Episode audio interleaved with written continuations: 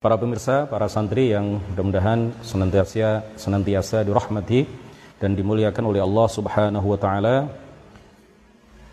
Sesi ini adalah sesi awal dari kajian kitab yang sangat masyhur tidak hanya di Indonesia tetapi juga sangat terkenal di berbagai belahan dunia, dipelajari tidak hanya oleh para santri di Indonesia tetapi juga dipelajari, dikaji oleh para santri, para pembelajar, para murid, para pengkaji ilmu tauhid di berbagai belahan dunia. Kitab yang akan kita kaji judulnya adalah Jauharatut Tauhid. Jauharatut Tauhid. Jauharah itu artinya adalah inti. E, juga bermakna permata atau perhiasan, ya. Tapi mungkin yang dimaksud di sini adalah inti. Jauharah at-tauhid. Inti dari tauhid.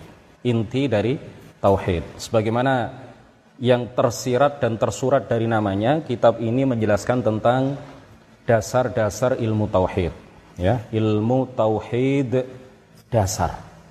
Tetapi lebih tinggi biasanya di berbagai pesantren di Indonesia, kitab ini diposisikan lebih tinggi, lebih mendalam dibandingkan dengan kitab yang sebelumnya kita kaji bersama yaitu Aqidatul Awam. Sama-sama membahas tentang ilmu tauhid, ilmu aqidah atau ilmu kalam. Tetapi kitab ini biasanya dipelajari setelah seorang santri belajar kitab Aqidatul Awam. Pengarang kitab ini adalah karena ini pembukaan ya, pembukaan. Kita kenalan dulu dengan kitabnya, kita kenalan dulu dengan penulisnya, penyusunnya, pengarangnya. Atau nazimnya ya, penyusun nazamnya karena kitab ini disusun ya disusun bukan secara nazar ya bukan eh, kalimat-kalimat biasa susunannya tetapi Kitab ini disusun, ditulis oleh pengarangnya dalam bentuk nazoman, dalam bentuk nazm, dalam bentuk manzumah, ya, dalam bentuk manzumah, nazoman, ya, sama dengan aqidatul awam. Pengarangnya adalah Abul Imdad. Kunyahnya adalah Abu Al-Imdad. Beliau punya kunyah dua. Abul Imdad dan Abu Ishaq. Beliau bergelar Burhanuddin. Ya, hujahnya agama, dalilnya agama. Saking mendalam pengetahuan beliau dalam berbagai disiplin ilmu keislaman sehingga beliau diberi gelar apa? Burhanuddin. Namanya adalah Ibrahim. Dalam satu referensi namanya adalah Ibrahim bin Hasan tapi dalam beberapa referensi yang lain, nama beliau adalah Ibrahim bin Ibrahim bin Hasan bin Ali bin Abdul Quddus Al-Laqani atau Al-Laqani. Bitakhfif atau bitashdid. Bitakhfifil qaf atau bitashdidil qaf. Bisa dibaca Al-Laqani dengan tashdid di atas huruf qaf, bisa juga dibaca Al-Laqani nisbatan atau dinisbatkan kepada sebuah kampung karena beliau berasal dari sebuah kampung yang bernama apa Lakon atau Lakon ya di provinsi Buhairah di Mesir. Jadi beliau ini orang orang Mesir. Madhabnya adalah Maliki. Madhabnya adalah Maliki. Beliau dipuji oleh para ulama sebagai alimu Misr, ya, seorang ulama besar di negara Mesir salah seorang tokoh yang banyak pengetahuannya dalam ilmu hadis dan ilmu dirayah. Mendalam ilmunya dalam ilmu kalam dan ilmu fiqih. Rujukan utama di Kairo pada masanya dalam masalah fatwa, dalam persoalan-persoalan yang rumit, para ulama ketika itu, para cendikiawan muslim ketika itu, ketika mereka berhadapan dengan masalah-masalah yang sulit untuk dipecahkan, maka mereka merujuk kepada Syekh Ibrahim Al-Laqani pengarang kitab ini, pengarang kitab Jauharatut Tauhid. Tidak disebutkan kapan lahirnya beliau, ya. Di beberapa referensi dikira-kirakan saja ya, dikira-kirakan lahirnya tahun sekian. Nah, tetapi e, di banyak sekali referensi yang memuat tentang biografi beliau, tarjamatuhu, tarjamah beliau. Jadi kalau kita mengatakan tarjamah dalam bahasa Arab itu artinya apa? Salah satu artinya adalah apa? Biografi. Apa? Biografi. Di awal kitab berbahasa Arab biasanya ada tarjamatul muallif. Itu artinya adalah apa? Bukan terjemahan pengarang bukan, tapi artinya adalah biografi penulis. Sejarah hidup penulis. Di banyak sekali kitab yang memuat tentang biografi beliau tidak disebutkan secara pasti kapan beliau lahir. Yang jelas beliau adalah salah seorang ulama pada masa eh, pada abad ke-11. Uh, beliau adalah salah seorang ulama pada abad ke berapa? Beliau wafat ya pada tahun 1041. 1041. Berarti beliau adalah salah seorang ulama pada abad ke-11 Hijriah. Jadi beliau sudah wafat berapa tahun yang lalu tuh ya? empat abad yang lampau, eh, kurang lebih 400 sekian tahun yang lalu. Jadi beliau ini disebut juga oleh para ulama pada pada masanya sebagai seorang ulama yang berkepribadian kuat, ya, berkepribadian kuat. Qawiyun nafas. Beliau juga disebut sebagai azimul haibah. Ya, kewibawaannya kewibawaannya besar, ya.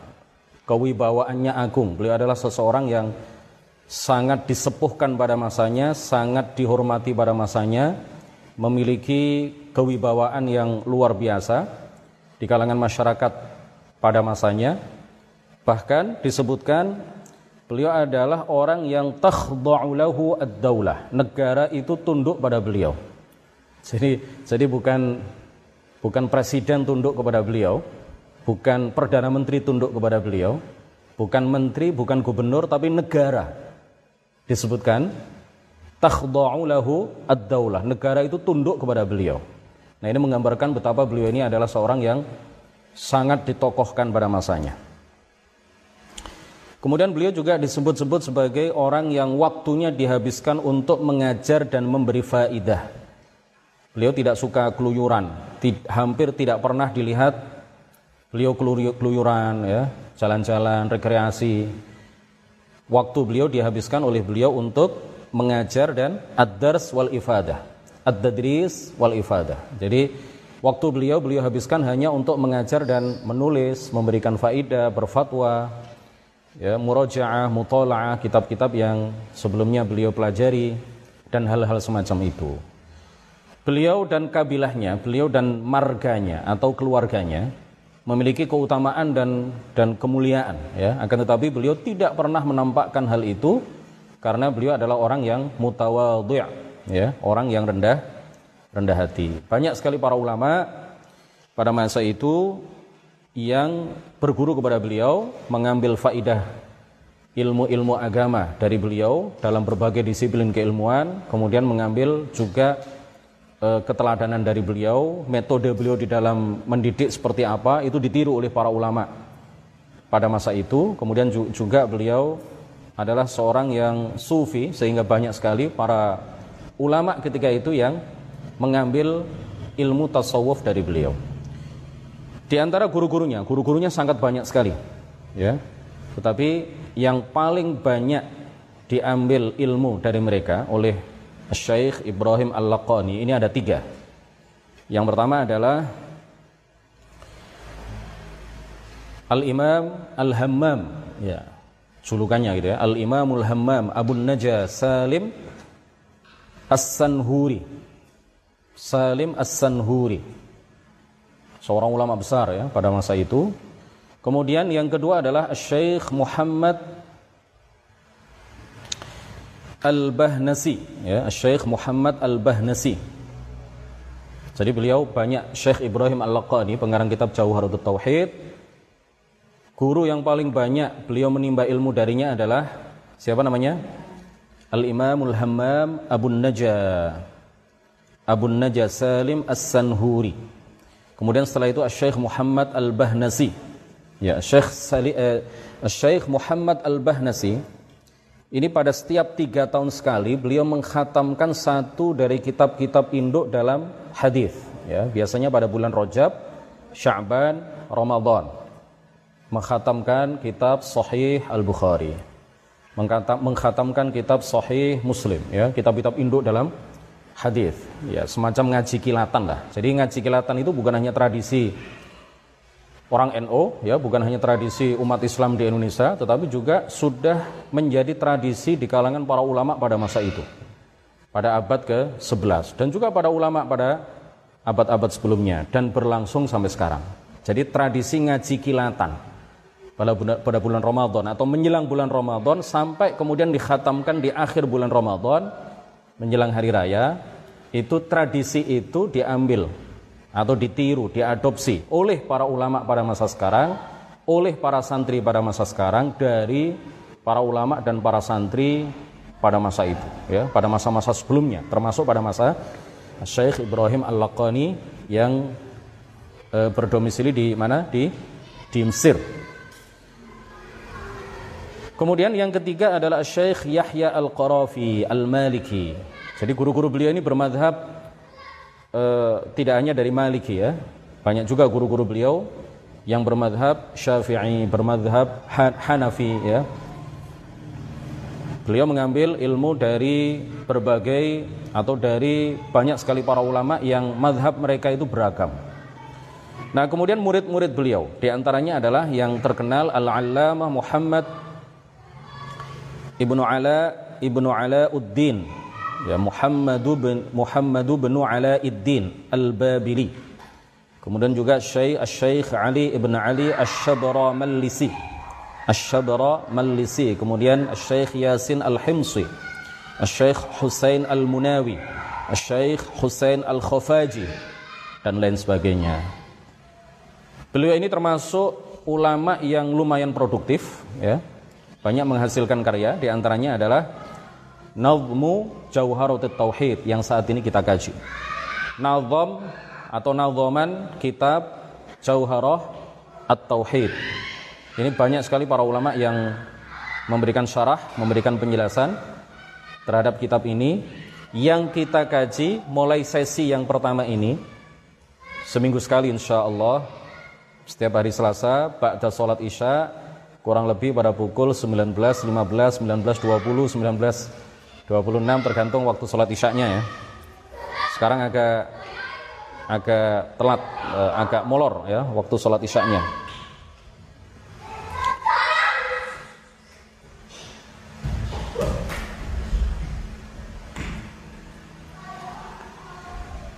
Jadi kurang lebih pada jam 19.15, 19.20 yang kita kaji adalah matanya. Yang kita kaji adalah matanya, bukan syarahnya. Kalau yang kita kaji syarahnya, mungkin kita nggak e, setahun nggak akan khatam, ya. Lama sekali khatamnya. Jadi yang kita kaji adalah kitab matanya, matan nazamannya itu, tetapi nanti akan saya beri penjelasan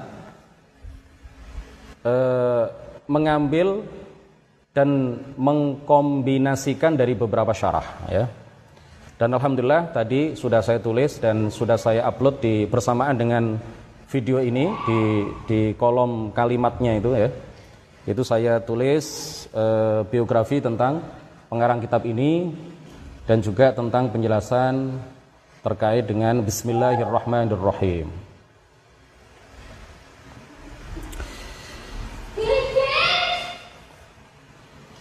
Di antara karyanya adalah Nazaman Jauharatut Tauhid. Kemudian ada lagi, ya mohon maaf pemirsa ada anak-anak kecil yang eh, lewat.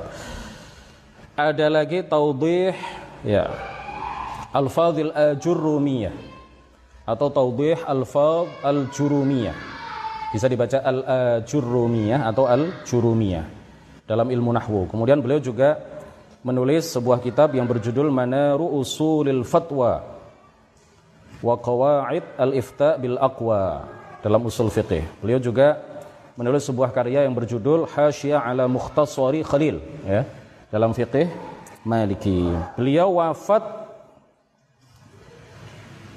dalam perjalanan pulang dari ibadah haji pada tahun 1041 Hijriah pada usia lebih dari 70 tahun. Beliau dimakamkan di dekat Uqbah Ailah. Ya, yang pernah ke Mesir tolong saya di dibetulkan kalau salah pengucapannya karena saya belum pernah ke Mesir. Jadi beliau dimakamkan di dekat Uqbah Ailah di tariq Ar-Raqbil Misri pada jalan atau di jalan Ar-Raqbul Misri. Ini nggak tahu nama ini masih ada sampai sekarang atau ini adalah nama tempo dulu. Nah, saya nggak tahu. Bismillahirrahmanirrahim. Dengan menyebut nama Allah yang Maha Pengasih lagi Maha Penyayang. Pengarang kitab ini memulai dengan basmalah sebagaimana tradisi para pengarang yang lainnya. Ya, para penulis, para ulama yang menghasilkan berbagai karya di dalam kitab-kitab yang mereka tulis selalu diawali dengan basmalah, selalu diawali dengan bismillahirrahmanirrahim. Begitu juga pengarang kitab ini. Sebelum beliau menyebutkan nazom-nazom, ya, nazoman-nazoman, bait-bait nazom yang ada di dalam kitab ini, beliau awali, beliau mulai kitab ini dengan Bismillahirrahmanirrahim. Mengikuti tradisi para ulama yang lain. Juga sebagai tabarrukan, ya, mengambil barokah, mengambil barokah dari basmalah. Sebagaimana kita tahu bahwa Rasulullah Sallallahu alaihi wasallam di dalam sebuah hadis beliau bersabda kullu amrin dhibalin la yubda'u bi bismillahirrahmanirrahim fahuwa aqta' atau fahuwa abtar dalam riwayat yang lain. Setiap perbuatan yang baik yang tidak dimulai dengan basmalah bismillahirrahmanirrahim maka perbuatan baik itu qalilul barokah, sedikit barokahnya, ya. Jadi terputus di dalam hadis ini dengan lafaz terputus itu maksudnya adalah apa? Perbuatan baik itu sedikit barokahnya. Barokah itu adalah az-ziyadatu fil khair, tambahan kebaikan. Jadi kalau kita memulai setiap perbuatan baik, kita mulai setiap perbuatan baik dengan bacaan bismillahirrahmanirrahim, maka kita akan mendapatkan tambahan kebaikan dari perbuatan baik yang kita kita lakukan. Kemudian juga meneladani Al-Quran. Karena ayat yang pertama dalam surat Al-Fatihah yang merupakan surat pertama dalam Al-Quran adalah ayat apa? Bismillahirrahmanirrahim. Adalah ayat yang berbunyi Bismillahirrahmanirrahim. Jadi ta'assian bil kitab. Karena beliau ingin meneladani Al-Quran yang memulai semua surat dengan surat Al-Fatihah, kemudian surat Al-Fatihah dimulai dengan ayat yang berbunyi Bismillahirrahmanirrahim, maka beliau dan juga para ulama lain yang menulis berbagai kitab, mereka juga memulai setiap karya mereka, setiap karangan mereka dengan basmalah, dengan Bismillahirrahmanirrahim. Bismillah artinya adalah aku memulai dengan nama Allah. Bismillah artinya adalah apa? Aku memulai penulisan kitab ini dengan nama dengan nama Allah. Alif pada kata ism itu dihilangkan dalam bacaan. Kita tidak membacanya biismillah. Ya, kita tidak membaca biismillah tetapi dihilangkan lafzon secara secara apa? pelafalan. Secara pelafalan, secara bacaan alifnya tidak dibaca karena apa? Karena alif di situ adalah alifu waslin atau hamzatu waslin ya hamzah wasol atau alif alif wasol. Sebagaimana kita tahu bahwa hamzah wasol atau alif wasol itu tetap ditulis dalam tulisannya tetapi tidak dibaca kalau berada di tengah kalimat. Kalau berada di awal kalimat, di awal kata dibaca. Ya, dibaca. Tetapi kalau seperti apa? Ismun. Tapi kalau di tengah kata, di tengah kalimat, ya, maka secara pelafalan dihilangkan. Jadi kalau kita membaca mas muka itu yang benar adalah mas muka, bukan ma ismuka, bukan. Ya. Kenapa? Karena alif di situ adalah aliful wasli atau hamzatul wasli. Jadi secara pelafalan dihilangkan. Bukan ma ismuka tetapi apa? Mas muka. Kemudian alif di dalam bacaan Bismillahirrahmanirrahim itu juga dihilangkan dalam tulisan. Ini menyalahi kaidah imla. Kalau kaidah undang-undang penulisan bahasa Arab itu kalau ada hamzatul wasl atau aliful wasl itu secara pelafalan saja dihilangkan kalau berada di tengah kalimat. Tetapi dalam tulisan itu masih dicantumkan. Nah, ini berbeda dengan dengan alif yang berada di Bismillahirrahmanirrahim. Coba ada nggak? Ada, ada alifnya nggak? Bismi itu nggak ada kan? Jadi ba setelah ba kemudian sin kemudian setelah itu mim ya. Bismillahi. Kenapa? Menurut sebagian besar ulama, aksarul ulama ya. Sebagian besar ulama berpendapat bahwa alif itu dihilangkan dengan alasan pemakaian basmalah yang sangat banyak. Sehingga apa? Lebih mudah jika antara pelafalan dengan tulisan itu dihi, dihilangkan. Karena saking banyaknya pemakaian e, basmalah ya dalam ucapan, dalam tulisan, maka alifnya dihilangkan. Kenapa? Karena untuk memudahkan sehingga sehingga pelafalan dengan tulisan itu sesuai. Jadi dalam pelafalan kan alifnya sudah dihilangkan ya. Nah dalam tulisan biar sesuai dengan pelafalannya maka juga di, dihilangkan. Ini menurut sebagian besar ulama dan banyak sekali pendapat-pendapat yang lain. Kemudian Allah atau biasa disebut lafzul jalalah. Ya, Allah atau biasa disebut apa? Lafzu al-jalalah adalah nama bagi zat maha suci yang berhak mendapatkan puncak pengagungan dan puncak ketundukan. Ya, Allah itu adalah alamun, nama, ala dzatil muqaddasi, al mustahiqqi li nihayati ta'zimi wa ghayatil ijlal. Dan bersifat dengan ilahiyah. Ya, nama bagi zat maha suci yang berhak mendapatkan puncak pengagungan yang bersifat dengan al-ilahiyah, al-mausufi bil ilahiyah apa itu al-ilahiyah? Ketuhanan. Apa itu ketuhanan yang dimaksud? Ai al-qudratu 'alal ikhtira'. Kuasa untuk jadi al-ilahiyah itu artinya adalah apa? Al-ikhtira'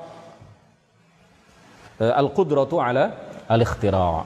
Ai al-ibraz minal adami ilal wujud ya atau ibrazil ma'dumi ilal wujud ya yaitu kuasa untuk mengadakan sesuatu yang tidak ada menjadi ada atau kuasa untuk menciptakan segala sesuatu dari tiada menjadi ada. Jadi lafzul jalalah itu maknanya seperti itu ya. Jadi lafzul jalalah itu kalau kamu ditanya Allah itu apa? Lafzul jalalah itu maksudnya apa? Maka jawaban kita adalah nama bagi zat maha suci yang berhak mendapatkan puncak pengagungan dan bersifat dengan ilahiyah yaitu bersifat dengan uh, maha kuasa untuk menciptakan segala sesuatu dari tiada menjadi menjadi ada. Dari mana kita tahu bahwa Tuhan yang wajib kita agungkan, Tuhan yang wajib dan berhak untuk disembah namanya adalah Allah. Dari mana kita tahu? Dari Nabi Muhammad sallallahu alaihi wasallam. Nabi Muhammad tahu dari wahyu yang dibawa oleh malaikat Jibril kepada beliau oleh Nabi Muhammad disampaikan kepada sahabatnya, sahabat disampaikan kepada generasi setelahnya dan begitu seterusnya sampai ke telinga kita, sampai kita tahu itu ya dengan silsilah sanat mata rantai sanat yang bersambung hingga Rasulullah Shallallahu Alaihi Wasallam. Nah, para ulama sepakat menyatakan bahwa lafzul jalalah Allah itu adalah ismullahil a'zam, al-mufrad, ya Ismullahil A'zam Al-Mufrad. Nama Allah yang paling agung yang yang eh, apa? terdiri dari satu kata. Sebagaimana kita tahu bahwa para ulama berbeda-beda pendapat. Ya, berbeda pendapat terkait dengan Ismullahil A'zam atau Al-Ismul A'zam, Al-Ismul A'zam. Ya, nama yang paling agung bagi Allah idza du'iya bihi ajaba wa idza su'ila bihi a'ta. Jika Allah jika Allah Subhanahu wa taala diminta ya oleh seseorang yang berdoa dengan menyebut ismullahil a'zam, maka doa orang ini pasti akan dikabulkan. Nah, apa itu ismullahil a'zam? Para ulama sepakat menyatakan jika yang dimaksud adalah mufrad yang terdiri dari satu kata, maka ia adalah ismullahil a'zam adalah apa? Allah. Tetapi jika yang dimaksud adalah berupa kalimat, ya, maka para ulama berbeda pendapat. Ada yang mengatakan Ismullahil A'zam itu ada di kalimat doa La ilaha illa anta subhanaka inni kuntu minadh zalimin. Ya, doa Nabi Yunus yang beliau baca di dalam perut ikan al-hut, ikan paus. Ada sebagian ulama yang mengatakan Ismullahil A'zam adalah Ya Dzal Jalali wal Ikram. Sebagian lagi berpendapat bahwa Ismullahil A'zam adalah uh, wa ilahukum ilahu wahid. La ilaha illa huwa ar-rahmanur rahim. Wa ilahukum ilahu wahid. La ilaha illa huwa ar-rahmanur rahim. Gitu ayatnya ya. Ya Ismullahil A'zam sebagian sebagian ulama berpendapat ada di dalam ayat ini dan masih banyak sekali pendapat-pendapat yang yang lain Ya diamalkan aja semuanya ya. Jadi doa itu ada kunci pembuka supaya diijabah oleh Allah Subhanahu wa taala. Di antara kunci pembuka doa adalah apa? Ismullahil a'zam. Karena banyak sekali pendapat para ulama yang menyatakan bahwa Ismullahil a'zam itu terdapat dalam bacaan ini, terdapat dalam bacaan ini, ya dibaca aja semuanya. Jadi doa itu kita awali dengan membaca itu semuanya, ya. Uh, uh, ayat tadi misalkan ya la ilaha illa anta subhanaka inni kuntu minadh zalimin. Ini kan ayat ya. Doa Nabi Yunus kemudian uh, ya dzal jalali wal ikram. Kemudian lagi tadi wa ilahukum ilahu wahid dan seterusnya.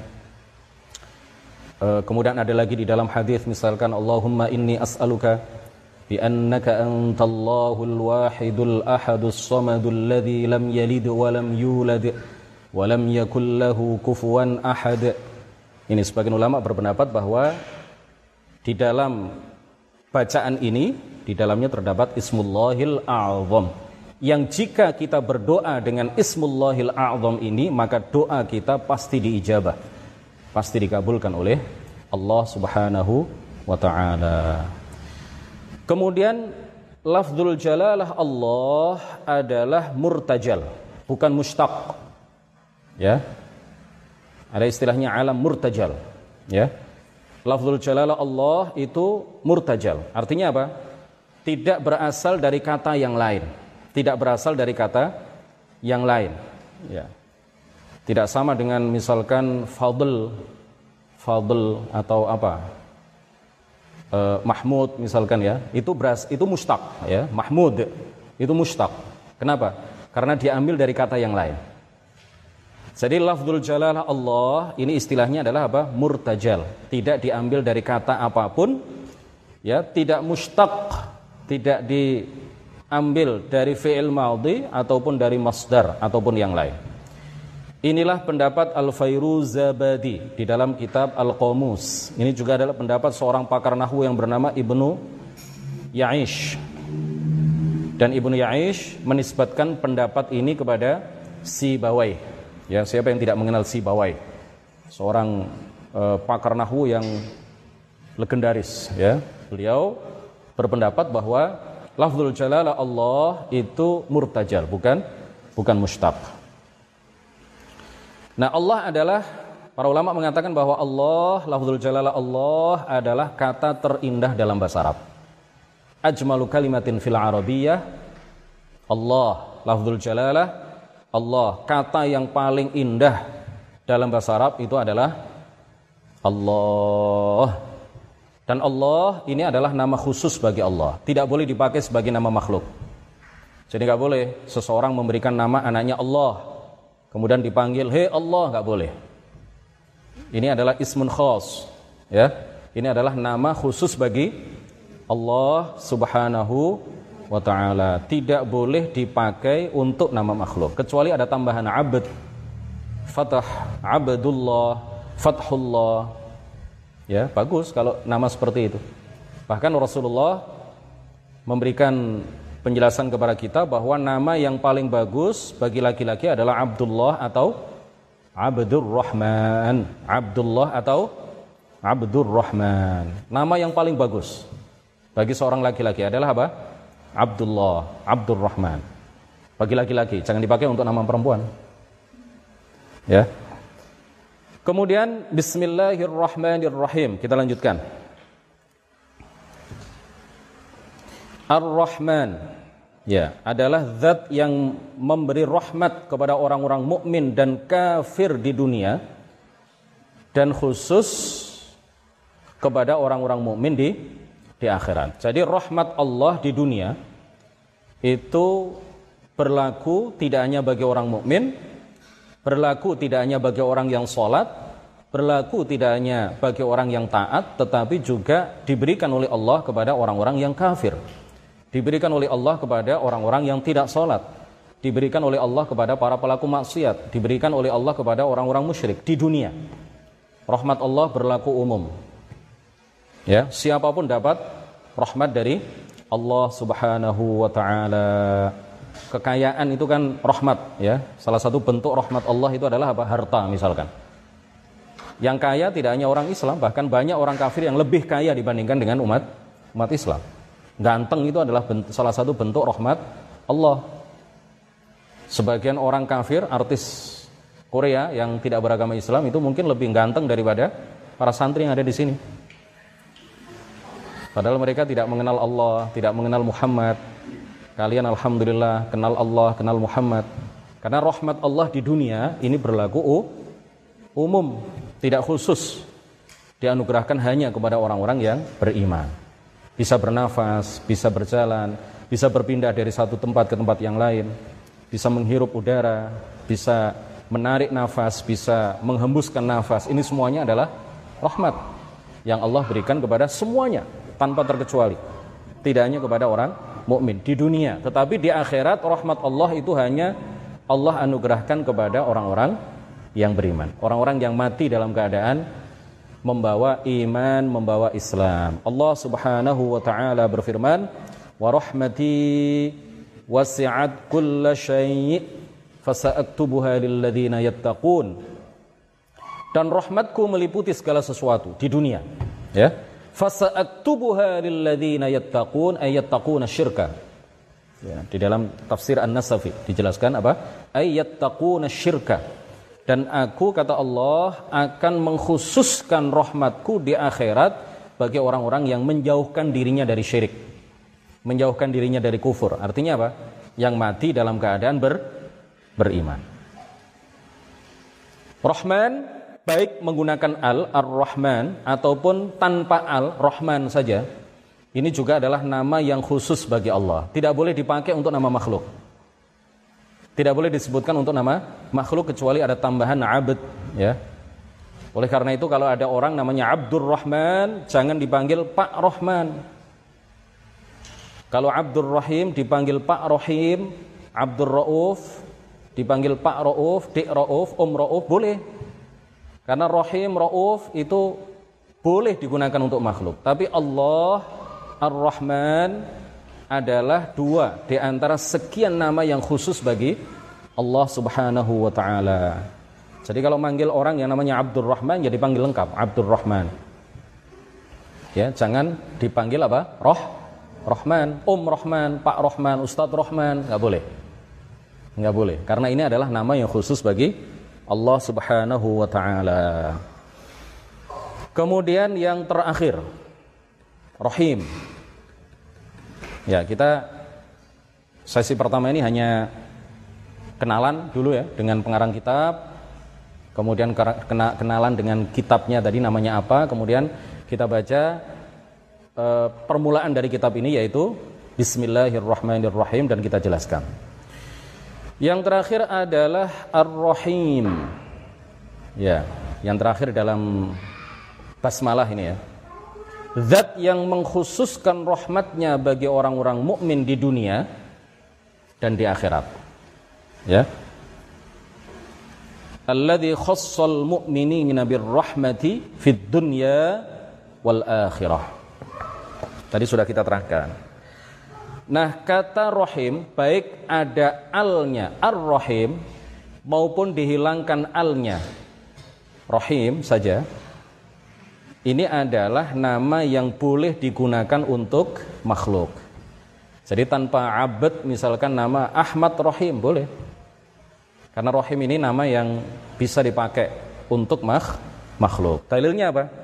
Allah Subhanahu wa taala berfirman, "Laqad ja'akum rasulun min anfusikum azizun 'alaihi ma 'anittum harisun 'alaikum bil mu'minina raufur rahim." Sungguh telah datang kepada kalian seorang rasul dari dari kaum kalian sendiri.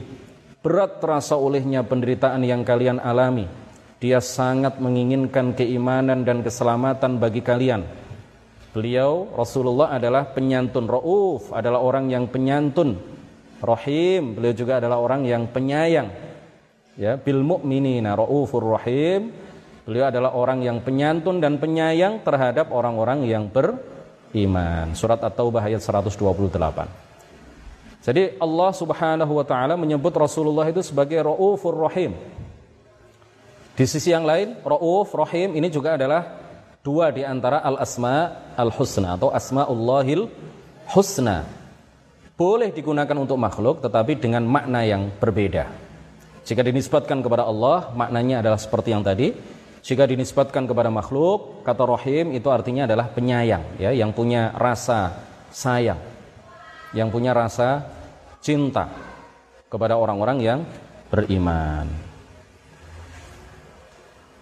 Untuk pertemuan pertama kajian kitab Jauharatut eh, Tauhid kita cukupkan sampai di sini. Mudah-mudahan singkat ya ini tadi ya. Singkat setengah jam, setengah jam lebih sedikit.